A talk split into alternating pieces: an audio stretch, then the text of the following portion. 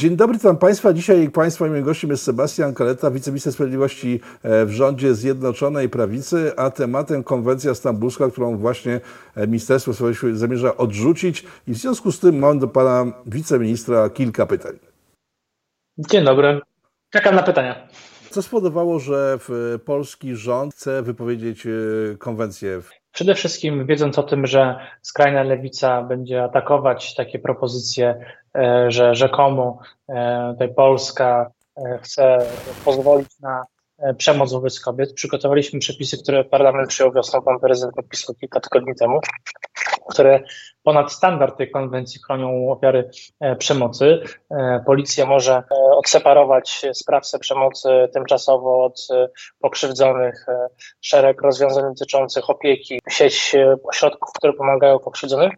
I teraz mamy dowody na to, że walczymy z tym problemem, który w tytule konwencji się znajduje, ale jednocześnie możemy podjąć polemikę z działania, żeby e, ta ideologia, która towarzyszy, ta otoczka ideologiczna, która towarzyszy tej konwencji, żeby ją po prostu z polskich zobowiązań międzynarodowych usunąć. Stąd nasz wniosek, ażeby e, Polska tę konwencję wypowiedziała. Wielu krytyków waszych działań mówi, że właśnie to określenie spółek społeczno-kulturowa wzbudziło wasze zaniepokojenie. Jak jest w rzeczywistości? Oczywiście, że budzi, ponieważ to jest konstrukt e, paranaukowy e, skrajnej lewicy, która próbuje e, uznawać, że istnieją inne płcie, które odpowiadają wzorcom społecznym i kulturowym, czyli czystą subiektywizację pojęcia płci. I stąd biorą się te różne wytwory kilkudziesięciu różnych nazw, jaka jest płciowość. Jednego dnia jestem kobietą, drugiego dnia mężczyzną, a trzeciego dnia w ogóle nie jestem żadnej płci. I to są właśnie te konstrukty, wobec których skrajna, wokół których skrajna lewica się e, obraca i ta konwencja zawiera wiele przepisów, które wplatając to pojęcie w kwestie dotyczące przemocy, e, próbuje nakazać państwom szczególną ochronę e, właśnie osób, które próbują wdrażać tę ideologię płci społeczno-kulturowej, czyli mówiąc wprost ideologii gender. Natomiast kilka przepisów dotyczących zobowiązań państw do walki ze stereotypami, e, e, ról kobiet i mężczyzn, kulturą, tradycją.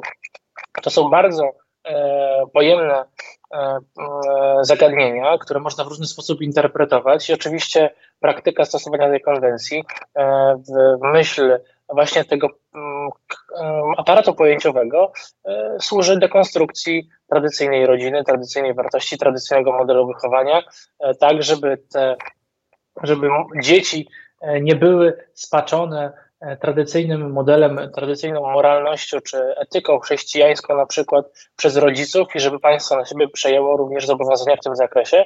To są naprawdę bardzo, bardzo, bardzo poważne wytrychy, e, które mogą w przyszłości służyć temu, by wywierać presję na Polskę i nacisk, by te różne lewalskie szaleństwa, które w Europie są dzisiaj codziennością, również w Polsce były obowiązującym prawem. Czyli co, nie chodzi Wam o zasady tego dokumentu, tylko o sposób jego przedstawienia, tak? Bo ta płeć społeczno-kulturowa, ja przejrzałem całą tą konwencję, tu chodzi de facto o pewne role przypisane płciom, tak? E, w przypadku Polski ja nie widzę niepokojów. E, bardziej ta konwencja, moim zdaniem, i wielu innych osób, specjalistów w dziedzinie, e, jest chyba skierowana przeciwko islamowi, bo tam jest problem ze stereotypami religijnymi, płciowymi. My w Polsce tego nie mamy, ale jak rozumiem, wy się obawiacie, że skrajna lewica, w chwili kiedy by doszła do władzy, może to interpretować na własną modłę, bo faktycznie ten dokument jest łatwy do reinterpretacji w, w kierunku ekstremy. O to chodzi? Znaczy w, tym, w tej konwencji e, znajdują się przepisy dotyczące polityk karnych, na przykład do, e, w zakresie e, karania za e, różnego rodzaju zmuszanie e, do mm, naruszenia jakby narządów płciowych, e, czy tego typu cierpień, które niektóre tradycje jakby realizują czy wymagają. No tam wprost jest mowa o obrzezaniu, o mordach y, rytualnych, y, o honorowych i tak dalej. To o, o tym dyskusja się nie toczy. Pols, polskie prawo przecież po prostu do tego na to nie zezwala. Po prostu. I y, na wszelkie akty agresji, czy również akty związane z przestępczością seksualną, tutaj polskie prawo wszystkie te normy wypełnia. W ogóle z naszej strony to nie jest niekwestionowane, my żadnej konwencji do tego po prostu nie potrzebujemy, bo nasza kultura, nasza tradycja w sobie zawiera e, niedopuszczalność do akceptowania tego typu zachowań i to jest respektowane w polskim porządku prawnym od dawien dawna i w polskiej tradycji oraz kulturze. Jednak celem tej konwencji właśnie jest to, by pod płaszczykiem tych szczytnych idei ochrony słabszych przed silniejszymi e, wprowadzać zobowiązania państwa, żeby przykładowo skupiać się e, na mm, mówieniu, przeciwdziałaniu przemocy, ale nie z perspektywy realnych problemów, jak na przykład alkoholizm e, czy narkomania, ale żeby wykazywać, że ta konwencja stwierdza wręcz, że źródłem przemocy jest tradycja, są wartości niektórych religii, e, są tak zwane stereotypy. No, stereo, przy, przykładowo wiele jest różnych pojęć, które uchodzą, że kobiety na przykład są E, mężczyźni są bardziej sprawni fizycznie od kobiet, lepiej biegają na 100 metrów. I w myśl tej konwencji można uznać, że to jest stereotyp. I w związku z powyższym trzeba te stereotypy usuwać. I e, na przykład wiele, wiele ekspertów podaje absurdy, że przecież e, dzisiaj już mam do czynienia z sytuacją, gdzie e, mężczyźni startują w zawodach sportowych z kobietami, bo, się czują kobietami i mają naturalną przewagę i wręcz tego typu e, zdarzenia dyskryminują kobiety i ta konwencja się tym nie zajmuje. Więc e, to jest wprowadzenie do obiegu e, paradygmatów skrajnej lewicy, która próbuje przemodelować społeczeństwo pod płaszczykiem walki z przemocą. Jako, że nasze państwo walczy z przemocą, wobec przemocą domową, przemocą wobec słabszych, to tego rodzaju otoczka ideologiczna po prostu nie jest potrzebna. I artykuł 12, który właśnie mówi o tych stereotypach, jak to będzie interpretowane. Przyjdzie jakiś urzędnik z Rady Europy czy e, sędzia Europejskiego Trybunału Praw Człowieka i w pewnym momencie właśnie powie, że niedopuszczenie mężczyzny, który się czuje kobietą do zawodów sportowych razem z kobietami jest naruszeniem jego praw w myśl tej konwencji, bo a, na przykład dzieci, jeśli nie są uczone w szkole o tym, że to jest coś normalnego, że można w każdym momencie E, opisać siebie jako osobę o innej płci, że się w ten sposób, jak się, się, ich nie uczy, to się utrwala stereotypy na temat podziału ról. Więc to są te wytrychy, które poprzez e, widzimy zresztą, że skrajna lewica próbuje bardzo intensywnie wchodzić do szkół z tego rodzaju programem i e, za kilka lat, gdyby ta konwencja ciągle w Polsce obowiązywała, wręcz e, machałaby nią E, przed rządzącymi, wywierając presję, że to są nasze zobowiązania międzynarodowe, żeby tego typu program nauczania w polskich szkołach prowadzić. Element, który mnie osobiście zaniepokoił jako jedyny, przyznam szczerze, bo ta cała reszta jest wytłumaczalna. Faktycznie w sytuacji, kiedy do władzy dochodzi skrajna lewica, e, mogę sobie to reinterpretować na własną modłę, ale coś, co teraz mnie niepokoi, to nie tylko w tym, w tym przypadku, to wpuszczenie NGO-sów, organizacji sponsorowanych na przykład spoza Polski do systemu prawnego. Czy to braliście pod uwagę w ogóle? Bo tam jest jeden z przepisów mówiący o tym, że e, wypełnianiem wymogów tej, tej, tej konwencji zajmować się będą e, fundacje, organizacje pozarządowe i społeczeństwo obywatelskie. Czy nie ma, bo to nie jest pierwszy przypadek, przypomnę, że przy okazji ustawy o e, ochronie życia zwierząt też taki przepis został wprowadzony w życie i w tym momencie te fundacje poza jurysdykcją prawną polską Y, same wydają wyroki, aresztują zwierzęta. W tym przypadku też y, może chyba coś do czegoś takiego dojść, bo to jest, y, mówię, jedyny punkt, który mnie osobiście bardzo niepokoił.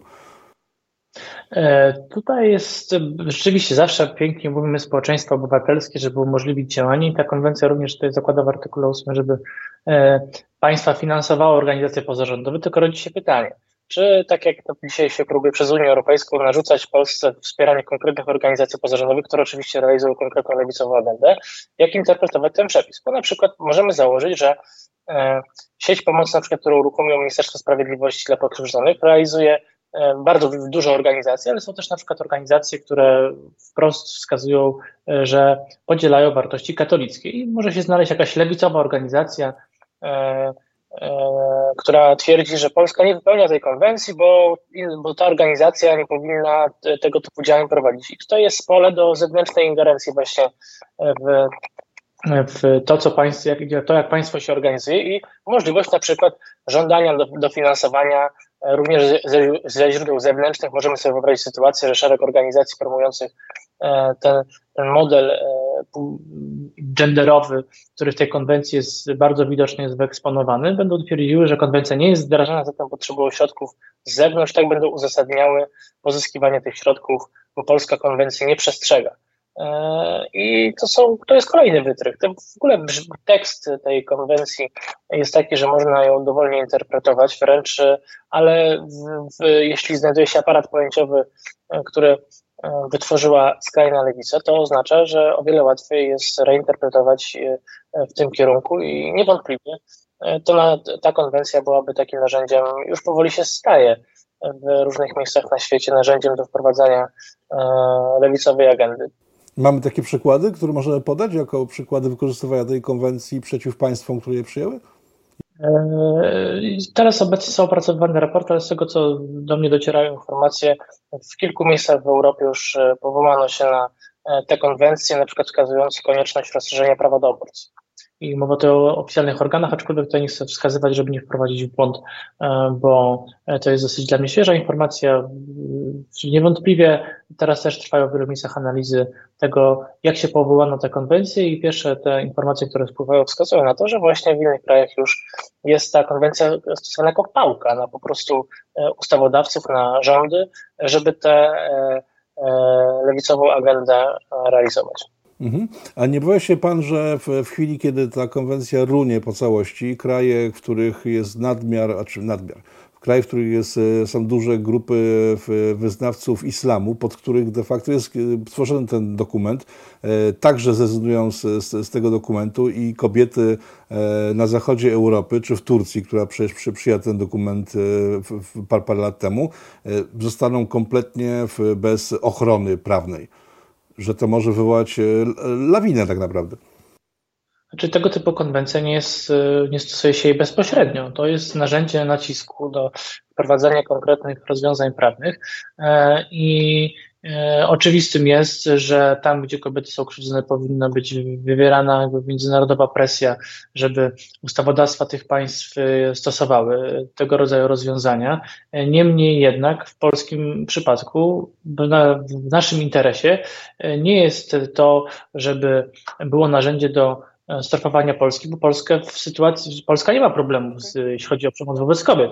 Więc po co nam takie narzędzie, które będzie właśnie wprowadzało różnego pojęcia, różne pojęcia e, lewicowe, jako, bo w Turcji rzeczywiście jest to narzędzie, czy w innych państwach islamskich może być to narzędzie, że pewne krzywdy, które się faktycznie w niektórych e, grupach, społecznościach wobec kobiet zdarzają, może być taki nacisk wywołany. W Polsce tego problemu nie ma, więc po co w Polsce takie narzędzie nacisku? A żeby na przykład mówić, że prawem kobiety jest prawo do aborcji, bo jak e, nie ma prawa do aborcji powszechnego, to jest to stereotypowa opresja mężczyzn wobec kobiet i zakaz decydowania o własnym ciele. Jestem w stanie sobie wyobrazić tak taką interpretację tej konwencji i że tutaj machając ją skrajna lewica będzie domagała się pełnego prawa aborcji, bo mm, jest to e, wielowiekowa dominacja kobiet nad mężczyzn nad kobietami i e, konieczność rodzenia dzieci jest właśnie e, dowodem na tę opresję i zniewolenie kobiet wobec mężczyzn, bo nie są paniami swoich ciał.